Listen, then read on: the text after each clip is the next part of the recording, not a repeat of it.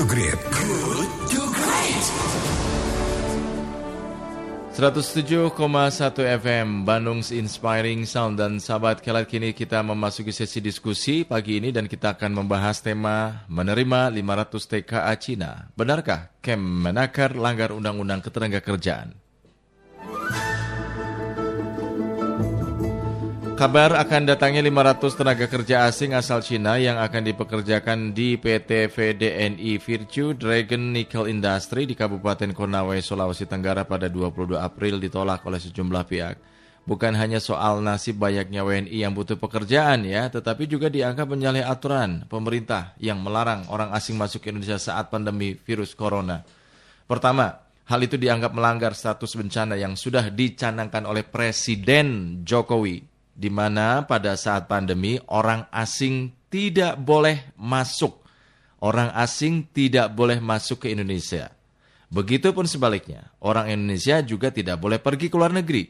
Maka sangat miris ketika mengetahui ada 500 TKA justru diizinkan bekerja di Indonesia Selain itu, pihak Kementerian Ketenagakerjaan dianggap telah melanggar undang-undang tentang ketenagakerjaan dengan mendahulukan tenaga kerja asing untuk bekerja dibanding orang Indonesia yang tidak tepat uh, dilakukan saat jutaan orang Indonesia terancam kehilangan pekerjaan. Nah, itu yang pertama. Kemudian yang kedua, alasan yang diajukan oleh pelaksana tugas Dirjen Pembinaan Penempatan Tenaga Kerja dan Perluasan Kesempatan Kerja bahwa tidak ada tenaga kerja skill workers serta tidak ada orang Indonesia yang bersedia bekerja di perusahaan tersebut. Justru semakin menegaskan adanya pelanggaran terhadap Undang-Undang Ketenagakerjaan. Di atas itu semua, kedatangan 500 TKA Cina dapat mencederai rasa keadilan buruh Indonesia. Yang ketiga, pekerjaan yang akan diberikan kepada para TKA itu akan melukai perasaan buruh yang sedang dirundung PHK. Mengingat darurat PHK sudah terjadi di depan mata, tetapi justru pekerjaan yang ada akan diserahkan ke pihak asing. Pihak asing pihak asing dan asing ya begitu. Lantas, haruskah Kemenaker tetap mengizinkan masuknya 500 tenaga kerja asing asal ya, Cina di tengah pandemi corona dengan alasan tidak bisa menolak masuknya para TKA karena mereka tidak menyalahi aturan-aturan yang ada. Bukankah pemerintah bisa mengeluarkan diskresi di tengah situasi yang serba darurat ini? Nah, untuk menjawab pertanyaan-pertanyaan tadi, kita akan diskusi dengan narasumber kita yang sudah terhubung di ujung telepon. Yang pertama itu Bapak Laude Ida, anggota Ombudsman RI. Uh, yang juga Pak Laude ini anggota Ombudsman yang membidangi ketenaga kerjaan dan juga penanggung jawab perwakilan Sulawesi Tenggara. Assalamualaikum warahmatullahi wabarakatuh. Selamat pagi Pak Laude. Selamat pagi. Assalamualaikum warahmatullahi wabarakatuh. Apa kabar, Pak? Alhamdulillah, baik-baik Kang Ijo. Alhamdulillah. Pak, ini di tengah pandemi Corona, Kementerian Ketenagakerjaan tetap menyetujui rencana penggunaan TKA, rencana tenaga kerja asing, RPTKA, 500 TKA Cina ke Sulawesi Tenggara, Konawe ya Pak ya. Bagaimana tanggapan Ombudsman ini, Pak? Um, saya kira ini tadi sudah Kang Ijul bahas di awal kan mm -hmm. sebetulnya mm-hmm. uh, ironi-ironi atau pelanggaran yang potensial terjadi ya ketika tenaga kerja itu timbul yeah. atau dihadirkan di Indonesia tenaga kerja asing itu mm-hmm. karena memang kita Indonesia sedang sakit sekarang yeah. dan sakitnya ini sampai menciptakan krisis ekonomi yang berdampak luas mm. uh, corona virus corona yeah. ini kan dibawa dari Cina juga atau sumbernya dari Wuhan. Mm -hmm. Dan sejak awal kami uh, di Ombudsman itu sebetulnya mengingatkan agar tidak lagi uh, atau pada saat itu uh, menutup uh, ruang orang yang dari Cina daratan yeah. yang masuk ke Indonesia, termasuk tenaga kerja asing, mm. tenaga kerja yang ada datang dari sana, mm. uh, karena potensial membawa virus. Yeah. Virus itu tidak terbang dari Wuhan ke Indonesia, tetapi itu diantar oleh manusia yang hmm. uh, berinteraksi dengan orang sana atau datang dari sana. Hmm. Itu itu uh, uh, sikap muslim pada waktu itu. Hmm. Kemudian ternyata kan dia dia baikkan, kemudian terjadilah uh, masalah besar seperti yang terjadi sekarang ini. Yeah, yeah. Itu saya sendiri sudah ngomong di beberapa media dan termasuk dialog di beberapa stasiun TV pada saat itu. Hmm. Ya, kan saya, saya menyampaikan hal yang saya anggap berbahaya dan yang sekarang ini terjadi. Tetapi um, ya kita sekarang masuk aja pada persoalan tenaga kerja asing ini asal Cina ini. Ini fenomena ini atau kenyataan ini sebetulnya sudah lama terjadi sejak hmm. investasi Cina masuk ke Indonesia. Iya, yeah, iya. Yeah. Uh, secara besar-besaran menggarap sumber daya alam Indonesia. Itu khususnya kalau di daerah kawasan timur Indonesia itu uh, mineral nikel. Mm-hmm. Ada di Sulawesi, Sulawesi, ada di Maluku, uh, Maluku khususnya Maluku Utara ya. Yeah. Karena juga uh, pabrik-pabrik lainnya seperti pabrik semen di uh, uh, Papua Barat Hmm. Itu dulu uh, hampir 100% tenaga kerjanya uh, uh, asing atau dari Cina. Hmm. Hampir 100%. Yeah. Dan beberapa juga di Kalimantan kalau saya nggak salah. Uh. Itu pabrik uh, semen juga. Yeah. Nah, uh, ini kenyataan ini terus terjadi. Bahkan pada saat itu kami sinyalir kan, karena tahun 2018 yang lalu, 2018 kalau saya nggak salah, hmm. 2017 2018 kan melakukan kajian khusus atau investigasi khusus tentang uh, tenaga kerja asing. Hmm. Hmm. Uh, ironis sekali pada waktu itu kan masih ada ketentuan uh, penggunaan bahasa Indonesia sebetulnya dan yeah. uh, dalam peraturan Menteri Tenaga Kerja hmm. yang wajib dipatuhi. Gitu ya hmm. tapi dilanggar bisa-bisa hmm. pada waktu itu. Ini kenapa ya itu Indonesia ya Pak Jadi, melihat ap, seperti seolah-olah disetir gitu oleh uh, Cina gitu loh. Ini kan Kemenaker Kementerian Tenaga, Ketenaga Kerjaan mengungkapkan dua hari yang lalu tidak kalau tidak salah pemberian izin dua perusahaan untuk mendatangkan 500 TKA itu atas berbagai pertimbangan. Salah satu alasannya yang disampaikan oleh Dirjen uh, Bina Penta ya dan PKK Kemenaker Pak Aris Wahyudi waktu itu um, agar para pekerja lokal tidak terhindar dari PHK. Lalu korelasinya apa ya Pak ini kalau lihat? Ini aneh orang ini kayaknya mengada-ada gitu, absurd. Uh. Jadi uh, mungkin dia tidak tinjau lapangan, hmm. mungkin dia tidak punya logika uh, apa penempatan tenaga kerja asing, atau dia tidak tahu aturan. Hmm. Uh, karena faktor lapangan sekarang ini kan banyak dirumahkan. Yeah. Ya banyak yang dirumahkan sekarang ini. Nah, di Sulawesi Tenggara sendiri itu kan di kota Kendari sudah menjadi zona merah mm-hmm. itu corona. Mm-hmm. Jadi khawatir betul, makanya wali kota Kendari menutup pintu gerbang itu untuk yeah. memblokir tenaga kerja asing mm-hmm. untuk yang masuk yang lewat kota Kendari dari mm-hmm. bandara. Mm-hmm. Nah, uh, ketika saya membaca uh, komentar pihak Kementerian Tenaga Kerja ini, mm-hmm. uh, saya ketawa sendiri. Kita mau marah juga nggak ada gunanya. Mm-hmm. marah sama orang-orang yang tidak sebetulnya tidak memiliki kompetensi atau mem memiliki kepentingan, ya, mm. tidak memiliki kompetensi atau memiliki kepentingan tertentu, mm. itu juga tidak ada gunanya. Apalagi ini bulan Ramadan, mm. puasa ya. Saya lihat ini uh, dia menyatakan untuk menghindari uh, apa PHK tenaga kerja lokal. Nah, di sana sendiri sudah di, di itu sekarang sudah banyak yang dirumahkan. Yeah. Kemudian itu yang pertama. Kemudian yang kedua, jika mendatangkan tenaga kerja asing ini uh, dengan alasan untuk mengerjakan pekerjaan uh, pembangunan smelter beberapa tungku lagi yang akan dibangun untuk smelter nikel itu, mm.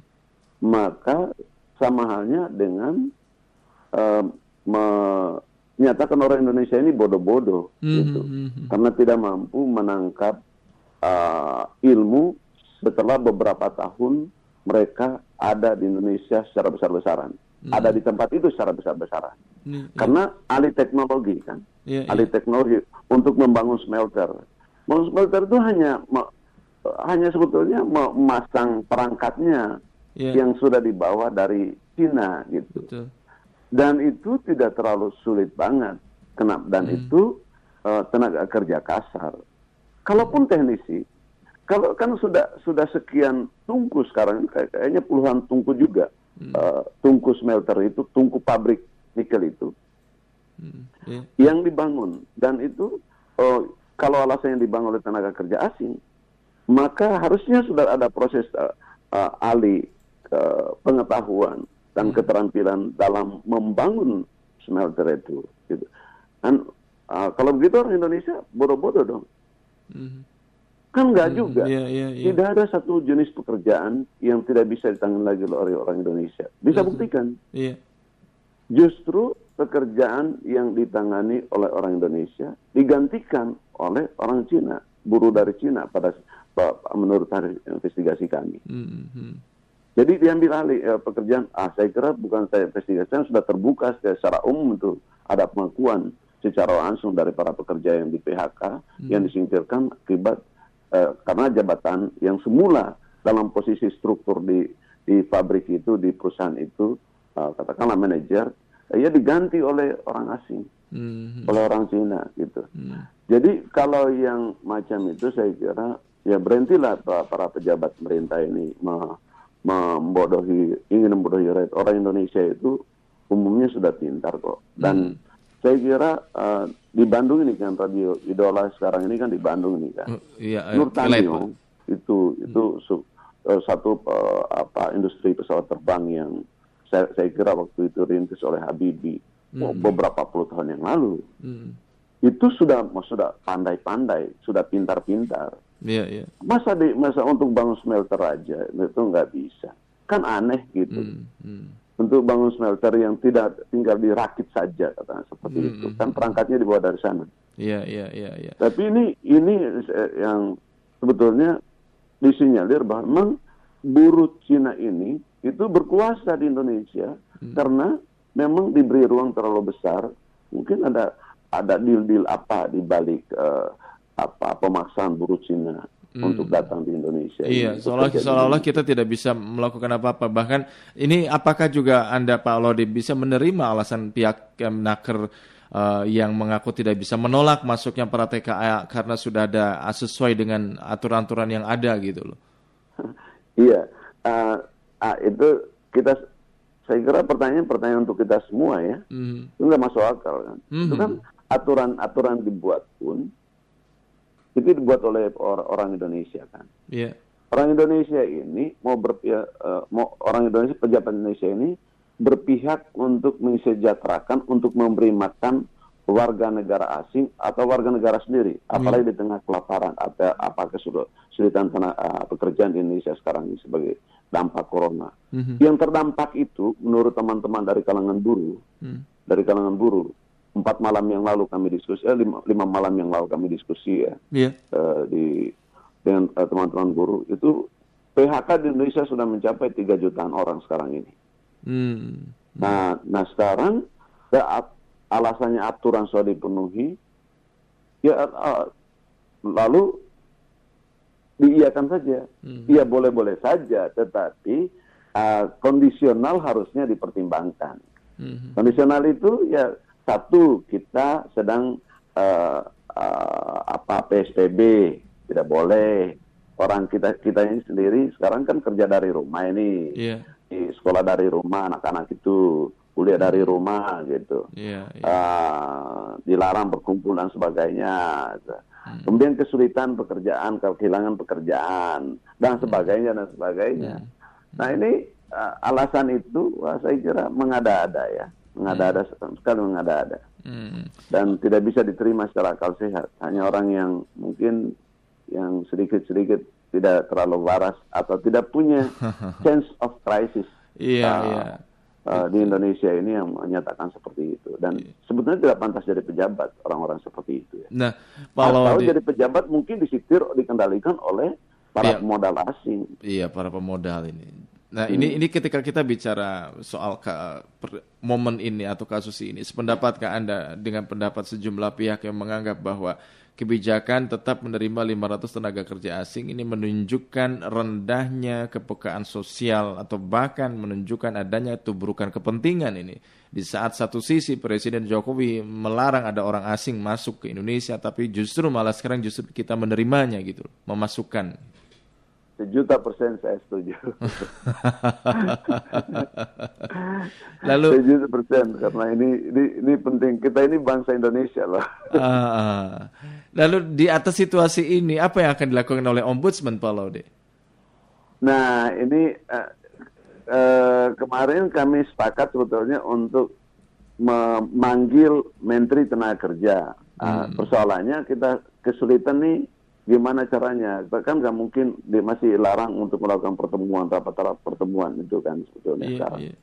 Nah, kita masih pikirkan dengan uh, Zoom, uh, apa mm -hmm. Zoom meeting, mm -hmm. uh, video conference. Yeah. Itu, uh, tapi mungkin hari ini kami uh, akan bicarakan ulang. Kemarin kami sudah bicarakan tuh, mm -hmm. akan bicara uh, mengundang mereka untuk Zoom meeting. Kemarin mm -hmm. kami sudah sepakati tentang listrik yang kami lakukan Zoom meeting dengan pihak yang terkait. Mm -hmm. Ya. Uh, untuk meminta penjelasan secara langsung. Tapi penjelasannya pasti seperti itu itu saja. Hmm. Yeah. Kami sudah duga kan penjelasan pasti seperti itu karena ini pejabat yang sudah berpihak. Hmm. Jadi pejabat yang sudah berpihak, yang sudah mati rasa, hmm. agak sulit kita meminta mengharapkan penjelasan yang lebih uh, masuk akal. Yang hmm. bersangkutan saya kira belum belum pernah ke ke lokasi itu hmm. dan harus dicatat lokasi-lokasi smelter besar PMA itu itu kan sebenarnya uh, eksklusif sekali. Yeah. Kami sudah uh, uh, investigasi tentang CSR mereka. Hmm. CSR mereka ini uh, saya kira tidak berarti apa-apa di masyarakat lokal. Hmm. Nah, itu jalannya rusak. Saya kira sudah dikeluhkan juga itu. Mm -hmm. Pokoknya dan di, orang masuk dalam itu tidak sembarang. Mm -hmm. uh, tidak sembarang. Kalau orang sedikit dianggap uh, agak berpihak atau apa, nah, manajer-manajernya itu mm -hmm. itu langsung disingkirkan. Ada mm -hmm. satu namanya Pak Rudi dulu. Mm. Saya kira uh, saya berteman ya manajer uh, uh, managing managing director itu di Virtu Dragon. Okay. Langsung disingkirkan. Mm. Karena tidak sependapat. Kalau orang yang sedikit agak agak mungkin agak uh, kritis, hmm. uh, itu nanti disingkirkan oleh mereka. Hmm.